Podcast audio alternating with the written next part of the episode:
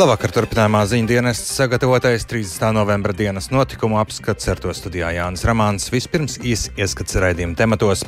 Robežsardze ziemā sagaida plašāku Baltkrievijas organizētu migrantu plūsmu uz Latviju. Robežas izbūve krietni kavējas.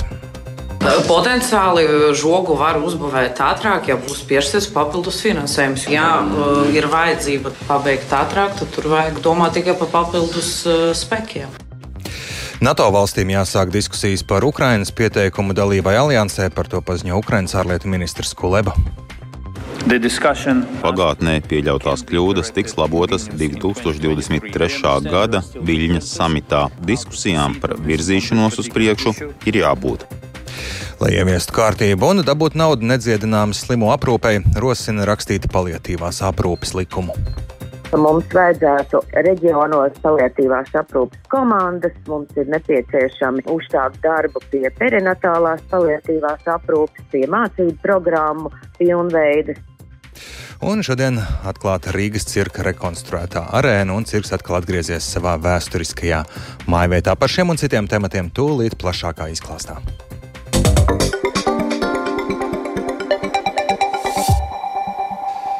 Pēdējās nedēļās atkal palielinājies Baltkrievijas režīma organizētā migrantu plūsma uz Latviju un tiek sagaidīti centieni Latvijā ievest cilvēku grupas no Irānas.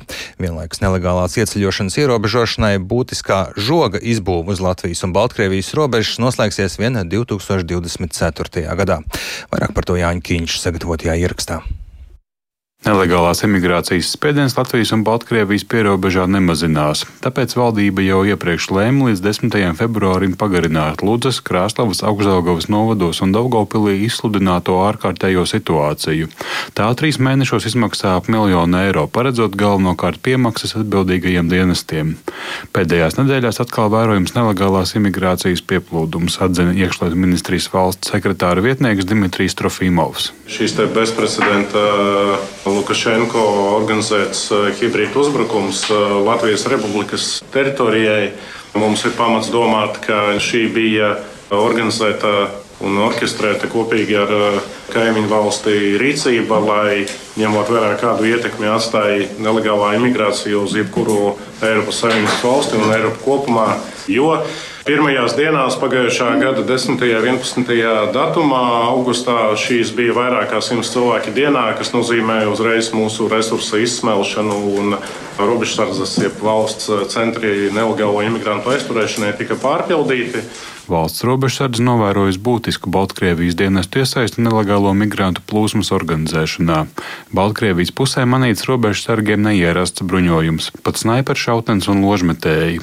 Ir sākti 23 krimināla procesi par nelikumīgu robežas šķērsošanu un pret vairākiem migrantu plūsmas rīkotājiem, stāsta valsts robežsardzes priekšnieks Gins Pujāts. Jo novērojot, Latvijas pusē ir sabiedrītāji Dažādu nacionālitāšu pēdējais aizturētais ir Moldovas, pirms tam bija fiksēti gan Baltkrievu, gan Ukrainas piedarīgie, un šādi ir seši pārvadātāji un viens, viena persona, viens krimināla process par to, ka bija organizēta pārvietošana pār robežai. Šeit, šeit ir redzama šī saikne starp Baltkrievijas režīmu, noteikti arī lielākas kaimiņu valsts un organizētā noziedzība, kādas agrāk arī izpausmes, kas bija padomjas savienības laikos, kad KGB sadarbojās ar organizēto noziedzību. Robežsardze sagaida Irānas iedzīvotāju grupu pieplūdumu Latvijas, Lietuvas un Polijas robežu tuvumā. To veicināšot gan protesti Irānā, gan tās sadarbība ar Krieviju. Valsts robežsardzes darbu neatvieglos arī 16% neaizpildīto vakanču dienestā. Vienlaikus šo apgrūtinājumu mēnā aktuāls arī jautājums par žogu izbūvi uz Latvijas un Baltkrievijas robežas. Līdz šim izbūvēta 22 km no kopumā 173 km. Būvdarbus prioritārajā 63 km posmā izpildīs līdz nākamā gada pavasarim, bet kopumā projektu pabeigs aiznākamgad. Aizsardzības komisijas deputātus interesēja iespēja iespējas šo procesu virzīt ātrāk. Turpina valsts nekustamo īpašumu projektu vadītāja Dace Plotniece un valdes locekle Ieļena Gavrīlova. Kas mums ir jāizdara, lai mēs to žogu pabeigtu līdz nākamā gada 18. novembrim, nevis līdz 24. gada kaut kādiem datumiem? Līgums ir noslēgts cenu aptaujas rezultātā. Un ir līgums ar noteiktiem termiņiem. Potenciāli žogu var uzbūvēt ātrāk, ja būs piešķirts papildus finansējums. Ja ir vajadzība pabeigt ātrāk, tad tur vajag domāt tikai par papildus spēkiem. Vienlaikus ar Krieviju robežas josla izbūvēta 230 km garumā. No tā pastāvīgais žogs stiepjas aptuveni 95 km, bet vēl turpināma žoga izbūve 53,5 km garumā. Jānis Kincis, Latvijas Radio.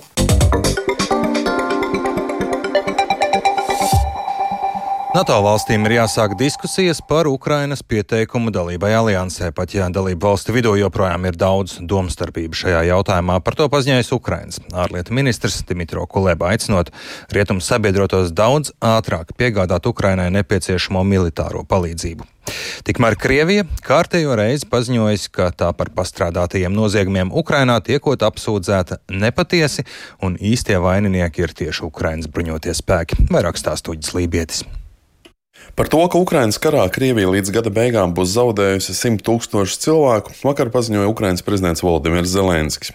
Taču šodien daudz plašāku rezonanci izraisīja Eiropas komisijas prezidents Urzuls Fonderlejens izteikumu par to, ka tikpat liels skaits bojā gājušo esot arī Ukraiņas spēkos. Tā kā šāda datu avots nebija zināms, Ukraiņu mēdī par to pauda pamatot sašutumu.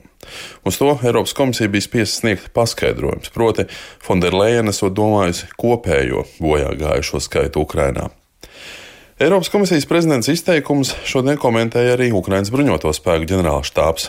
Bruņoto spēku pārstāvis Bogdans Seņiks norādījis, ka dati par zaudējumiem Ukraiņas spēku rindās joprojām ir ierobežoties pieejamības informācija, un šādus izteikumus apstiprināt nav iespējams. Vienlaikus viņš uzsvērs, ka ja šie publiskotie dati palīdzēs saukt pie atbildības agresoru valsti, Ukraiņas puse tikai palīdzēs vainīgos sodīt par Ukraiņu tautas genocīdu. Tikmēr komentējot iespējamos jaunos uzbrukumus Ukrainai, valsts izlūkošanas dienesta pārstāvi pauduši viedokli, ka pašlaik ir novērojama neliela pauze, kas ļauj Krievijas iebrucējiem sakrāt nepieciešamās raķetes, izpētīt jaunus mērķus, kā arī veikt papildu izlūkošanu. Jautājums par Ukrainas gaisa telpas aizsardzību šajās dienās aktīvi apspriests arī Bukarestē notikušajā NATO ārlietu ministru tikšanās laikā. Ukrainas ārlietu ministrs Dmitro Kuleba aicināja NATO valsts pēc iespējas ātrāk piešķirt Ukrainai bruņojumu, īpaši pretgaisa aizsardzības sistēmas Patriot, lai aizsargātu Ukrainas civilo infrastruktūru. Vienlaikus Kuleba uzsvērs, lai arī nav skaidrs, kad Ukraina varētu kļūt par NATO dalībvalsti, diskusijām par šo procesu būtu jāsākas jau tagad. Ir jāsākas diskusijām par Ukrainas pieteikumu dalībai aliansē. Mēs uzskatām, ka pagātnē pieļautās kļūdas tiks labotas 2023. gada Viļņas samitā. Mēs saprotam, ka joprojām ir atšķirības viedokļos par to, kā virzīt uz priekšu šo jautājumu. Taču diskusijām par virzīšanos uz priekšu ir jābūt. Mēs sadarbosimies ar saviem sabiedrotajiem, lai šo mērķi sasniegtu. NATO dalībvalstu kopīgo paziņojumu, kurā ir nosodīts Krievijas agresīvās darbības Ukrainā, šodien komentējusi arī Krievijas ārlietu ministrijas oficiālā pārstāve Marija Zahārova. Pēc viņas vārdiem, Bukarestes deklarācija apliecina, ka NATO pilnīgi nav ieinteresēta politiskā vai diplomātiskā Ukrainas kara risinājumā. Krievijas pārstāve arī atkārtoti paudusi Maskavas aktīvu kultivēto viedokli par to, ka NATO valstis dažādos nežēlīgos noziegumos apsūdz Krieviju, kaut arī patiesībā tos pastrādājot Ukrainas bruņotie spēki, turklāt ar pašu rietumu atbalstu. Uģis Lībijams, Latvijas Radio. Vācijas enerģētikas uzņēmums Uniper vēršas pret Krievijas gāzes kompāniju Gazprom starptautiskajā tribunālā saistībā ar Krievijas kompānijas nespēju piegādāt gāzi. Vācija norāda, ka rezerves gāzes iegāde par augstākām izmaksām līdz šim ir prasījusi 11,6 miljārdus eiro, un mēneša sākumā Uniper ziņoja par, 10, par 40 miljārdu eiro zaudējumiem gada pirmajos deviņos mēnešos, kas ir viena no lielākajiem zaudējumiem Vācijas uzņēmumu vēsturē. Turpina Vendija. Maslobojeva. Pēc tam, kad Krievija iebruka Ukrainā, Gazprom nepārtraukti samazināja gāzes piegādes Vācijai, tādējādi atriebjoties par rietumu izvirzītajām sankcijām pret Krieviju. Tas veicināja strauju enerģijas cenu kāpumu un Vācijas lielākajiem gāzes importētājiem Uniper draudēja bankrots. Vācijas valdība paziņoja, ka tā nacionalizēs uzņēmumu, jo baidās, ka uzņēmuma bankrots satricinās Vācijas ekonomiku. Uzņēmumu glābšanai ir paredzēts tērēt līdzekļus no 200 miljardu eiro lielā fonda, kas paredzēts enerģētikas krīzes ietekmes mazināšanai. Eiropas komisija rekomendē arī turpmāk iesaldēt 13 miljārdus eiro lielo Eiropas Savienības naudu, kas paredzēta Ungārijai, jo Budapešta nav spējusi izpildīt savas saistības tiesiskuma jomā. Tagad Eiropas Savienības dalību valstīm ir laiks līdz 19. decembrim, lai atbalstītu, noraidītu vai mainītu šos ieteikumus. Kā skaidro Eiropas komisijas viceprezidents Valds Dombrovskis, Ungārijai ir zināmi konkrēti soļi šīs naudas atbloķēšanai. Hungary has committed to limit undue influence and arbitrary decisions uh, in the administration of its courts. Ungārija ir apņēmusies ierobežot pārāk lielo ietekmi un nepamatotos lēmumus tiesu administrēšanā. Tās izstrādātais plāns paredz virkni pasākumu un reformu, lai tiktu galā ar šo jūtīgo jautājumu.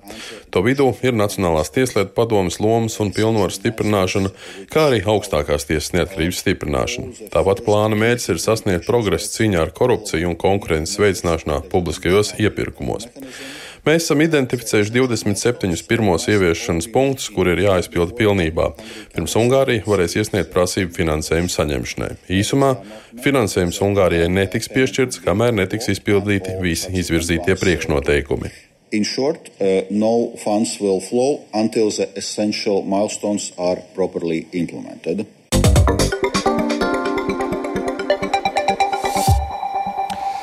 Latvijā, lai panāktu valdības solītos uzlabojumus vēžu pacientu ārstēšanā un sekmētu plašāku, taisnīgāku jauno zāļu pieejamību, Latvijas onkoloģijas pacientu organizācija apvienība Onko alianse aicina decembrī apvienot spēkus akcijā atbalstām vēža pacientus kopā. Ja valdība onkoloģisko slimību ārstēšanu neiekļaus deklarācijā starp prioritātēm un šajā jomā neatradīs solīto naudu, arī turpmāk būsim gandrīz pirmajā vietā Eiropas Savienībā saslimstībā un mirstībā ar vēzi, tā norāda Onko alianse alianses dibinātāja Olga Vilciņa ir radies maldīgs priekšstats, ka veselība iepriekšējā periodā saņēmusi neticami lielu finansējumu, bet patiesībā tā bija Covid pandēmijas nauda. Un līdz vēža pacientiem šis finansējums nav nonācis. Un onkoplāna izpilde būtu jāiekļau valdības deklarācijā un prioritāro darbu sarakstā. Onkoloģijas plānā nākošajam gadam onkoloģijā ir nepieciešami 135 miljoni eiro un apmēram 99 miljoni līdz 100 ir tas tā saucamais parāds par iepriekšējo periodu, jo pagājušajā gadā mēs arī saņēmām tikai trešo daļu. Bez plāna izpildes būs jāsāk viss no sākuma, gan plānošana, gan darbības. Paliatīvā aprūpe ir sadrumstalota, un tai nepieciešams normatīvais ietvers. Tādēļ jādomā par esošu likumu izmaiņām vai īpaši paliatīvās aprūpes likumu veidošanu, kas definētu paliatīvo aprūpu un skaidri iezīmētu pakalpojumu sniedzējus, saņēmējus un abu pušu tiesības un pienākumus. Par to šodien atbildīgās saimnes komisijas sēdē sprieda deputātu un atbildīgo ministriju, kā arī nevalstisko organizāciju pārstāvji. Kādu normatīvo regulējumu iesaka valsts pārvalde un kādu sagaida nevalstisko organizāciju pārstāvji? To skaidro Kristaps Feldmanis. Saimas Sociālo un darba lietu komisija jautājumu par palietīvās aprūpas normatīvo regulējumu šodien aktualizēja, jo vairāki palietīvās aprūpas speciālisti, ārstniecības iestādes un nozares nevalstiskās organizācijas šo jautājumu lūguši sakārtot, nosūtot oficiālu vēstuli. Bērnu palietīvās aprūpas biedrības, kā arī Bērnu Kliniskās Universitātes slimnīcas palietīvās aprūpas dienesta vadītāja ārste Anna Jansone skaidro, skaidrs regulējums nepieciešams, lai palietīvā aprūpe varētu attīstīties kā atsevišķa veselības aprūpas nozare lai valstī un iedzīvotājiem būtu vienots un skaidrs pakalpojuma organizēšanas plāns par to, kas un kā šos pakalpojumus nodrošina, saņem, organizē un finansē. Jansone min piemērus. Atsevišķās valstīs šis jautājums tiek risināts dažādi, piemēram, nosakot palietīvās aprūpes standārtu vai ieviešot likumu. Jansone uzskata, ka Latvijā vislabāk būtu izveidot atbilstošu likumu. Manuprāt, patreiz labākais veids būtu, ja būtu palietīvās aprūpas likums, un tad, protams, tālāk ir MK noteikumi gan labklājības ministrijas izstrādāt, gan veselības ministrijas, kur tad arī pasaka pārējo to, ko mēs esam ierakstījuši likumā, kā to var reāli praksē paveikt. Vieglākais ceļš pēc Jansonas domām gan būtu papildināt jau esošo ārstniecības likumu un sociālās palīdzības likumu, taču tas nenovērstu palietīvās aprūpes sadrumstalotību starp dažādiem dokumentiem un resoriem. Arī ārsts Liepājas privātā palietīvās aprūpes centra Rūre vadītājs Kristiāns Dāvis parakstījis vēstuli, kurā aicina domāt par speciālu likumu izveidošanu. Viņš uzskata, ka tas palīdzētu skaidri sakārtot pienākumus un atbildības. Daudz eh, vietās parādās palietīvā aprūpe gan ministra kabineta noteikumos, gan veselības ministrijas noteikumos, gan labklājības ministrijas noteikumos, bet šī definīcija un viss, kas ir aprakstīts šobrīd par to palietīvo aprūpu un palietīvās aprūpas saņemšanas kārtību, kam visam būtu jābūt iekļautam šajā pakalpojumā, viss ir nedaudz tāds izplūds. Savukārt Veselības ministrijas veselības aprūpes departamenta direktore Sanita Janka skaidroja, ka šobrīd ir ļoti daudz dažādu ministru kabineta noteikumu, kur ir atrunātas gan ārstu kompetences, gan valsts apmaksāto pakalpojumu sniegšanas kārtība, taču tas viss ir ļoti sadrumstalots. Tādēļ viņi piekrīt, ka jāveido normatīvais regulējums, taču iespējams ne atsevišķs likums. Normatīvā bāze noteikti ir jāpapildina. Tikai jautājums, vai tas ir atsevišķs likums jo katram normatīvam aktam ir nu, savi plusi, savi mīnusi. Likums ir ļoti grūti maināms, ir nepieciešama tehniska izmaiņa. Runājot par normatīviem aktiem, visticamāk, ka tas būtu tas labākais risinājums, bet tad būtu jāparedz šie deliģējumi gan ārstniecības likumā, kur mēs atrunājam, kas tad ir palietīva aprūpe un noteikti ir nepieciešams sociālo pakalpojumu likumā. Tātad risinājumi ir vairāki. Atsevišķs palietībās aprūpes likums, izmaiņas jau esošajos likumos, tāpat risināt jautājumu var ar ministru kabineta noteikumu palīdzību un citādi.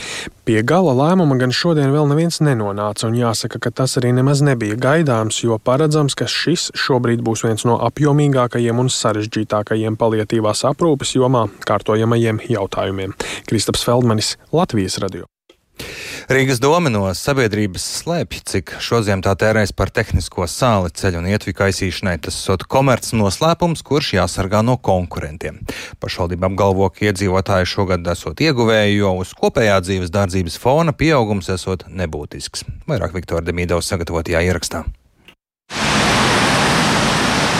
Rīgā kā pretslīdes materiālu arī šogad izmanto tehnisko sāli, ko gan pati Rīgas doma neiepērkot. Visu nodrošino divas personu apvienības, katra savā Daugavas krastā. Abās apvienojušies vairāki uzņēmumi, ar kuriem pašvaldība pirms dažiem gadiem ir noslēgusi līgumu. Kā uzņēmumi kaisa iela šogad, jautāju Rīgas apkaimju alianses vadītājam Mārim Jansonam. Kājas apmēram tikpat daudz, cik parasti. Tā kopumā priekšpilsētas būtu labāk kaisīt pēc iespējas mazāk, tikai tik daudz, lai neslīd, jo tā sāls nodara kaitējumu apaviem, apstādījumiem, kokiem. Ziemā ir sagatavoti ap 17,000 tonu sāls, un tas ir vismaz par tūkstoti tonu mazāk nekā pagājušajā sezonā. Tā pavēstīja satiksmes departamentā atsaucoties uz ceļu uzturētājiem.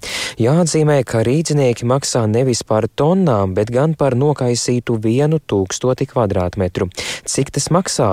vietvara neatklāja. Zināms, ka pagājušā gada decembrī rīdzinieki par pakalpojumu samaksājuši ap 300 tūkstošiem eiro, bet cik pārējos mēnešos dome slēpj. Zināms, ka cenu kāpuma dēļ šogad summa pieaugusi par teju 12%, turpina departamenta direktora pienākumu izpildītājs Jānis Vaivots. Pašvaldība ir savā ziņā iekonomēs, jo gan degvielas cenas, gan sāls cenas droši vien ir paaugstinājušās ne 12% apjomā, bet tātad rīznieki joprojām maksā to cenu par 1000 kvadrātmetriem. Cik tā maksā? Tas gan būs jau komerces noslēpums. To es laikam nedrīkstēšu atklāt. Tā ir desmit tūkstoši vai simti vai miljoni? Vai? Nē, tas ir.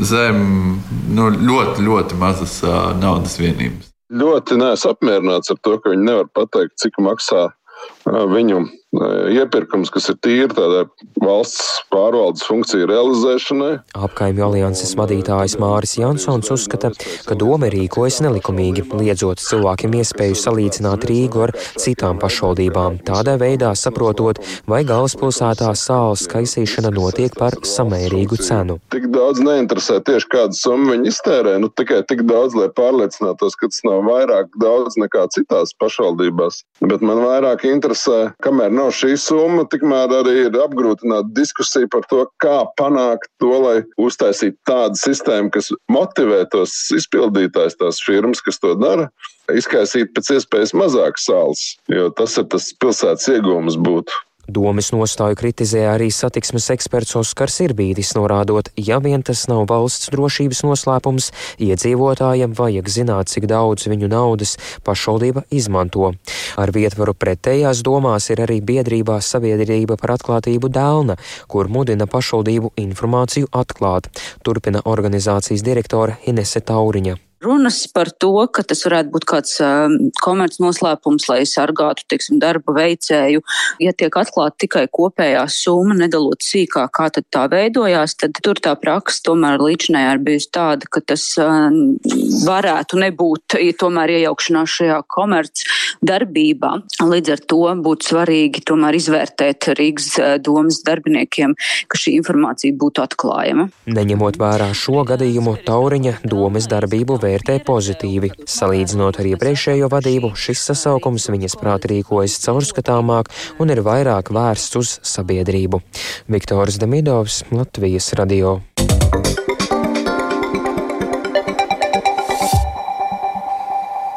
Šodien atklāta Rīgas cirka rekonstruētā arēna, un cirks atkal atgriezies savā vēsturiskajā mājvietā. Arēnas atjaunošana noslēdz ēkas pārbūves pirmo kārtu, bet darbi turpināsies vēl vairākās kārtās un ietvers gan teritorijas labiekārtošanu, gan cirka skolas izbūvi. Plašāk Baibas Kušķis veidotajā ierakstā. Cirka arēnu atceramies kā apaļu telpu, bet nojaucot vecās konstrukcijas atklājies, ka aplis ir iekšā daudz plašākā kvadrātiskas formas telpā. Tāda tagad arī ir jaunā arēna, plaša, gaiša, moderni aprīkota, bet ar saglabātu vēsturisko elpu, stāsta arhitekts Zigmārs Jauja. Tas modernais ir ļoti stabils, viss ir pilnīgi bez kompromisiem pašā augstākajā līmenī, bet tajā pašā laikā nācās izvērtēt visu vēsturisko, to rūpīgi demontēt, noglabāt un pēc tam likt atpakaļ. Nu, tā kā ēka beigās ir ļoti tehniski atrisināta, bet tajā pašā laikā mēs labi jūtam arī visu to vēstures elpu. Par vēstures elpu, piemēram, liecina arēnas apdarē iestrādātie 130 gadus vecie dēļi, tāpat arī brusas no vecajām tribīnēm.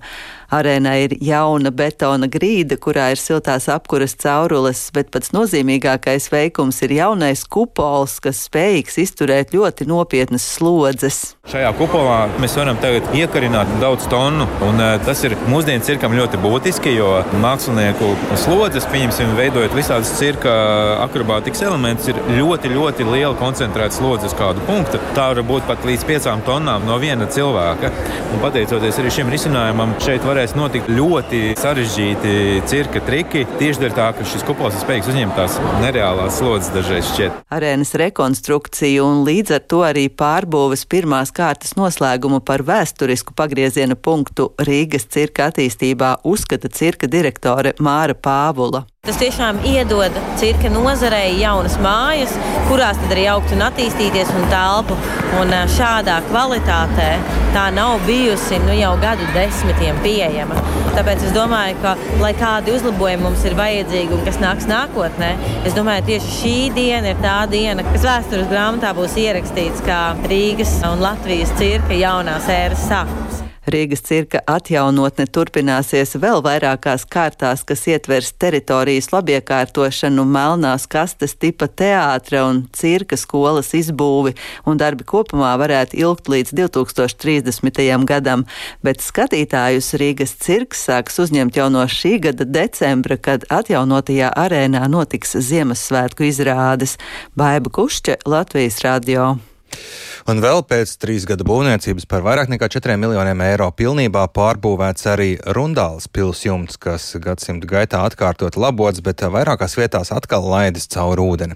Kā uzsver muzeja direktora Laura Lūse, jumta atjaunošana pietuvina Rundāls pili tās sākotnējam veidolam, turpmāk jumts spožais mirdzums atdarnās ērsta Johana Bīrona iecer par sudrabotu pilsrotu, un pārbūvē konstatēts, ka lielākā daļa konstrukciju ir saglabājušās no pils būvniecības pirmā perioda proti koku materiāls cirsts 1735. gadā. Ar to arī izskan ziņu dienesta veidotais dienas notikuma apskats. Tā producents Edgars Kupčs ieraksts montējās par Groskaps par labskaņu rūpējās Kristaps Eida studijā. Jānis Ramāncīs atgādināšu svarīgāko robežsardze ziemā sagaida plašāku Baltkrievijas organizētu migrantu plūsmu uz Latviju un robežas izbūvu un žoks uz tās krietni kavējas. NATO valstīm jāsāk diskusijas par Ukrainas pieteikumu dalībai aliansē, par to paziņo Ukrainas ārlietu ministrs Kuleba, un lai ieviestu kārtību un dabūtu naudu nedziedināmi slimo aprūpei, tiek rosināts aicināts rakstīt paliatīvās aprūpes likumu. Un ziņām varat sekot līdzi arī Latvijas Radio 1 Facebook lapā vai arī sabiedrisko mediju ziņu portālā LSMLV un pārējais atkārtojums meklējams arī raidierakstu platformās kā dienas ziņas un Latvijas radio mobilajā lietotnē.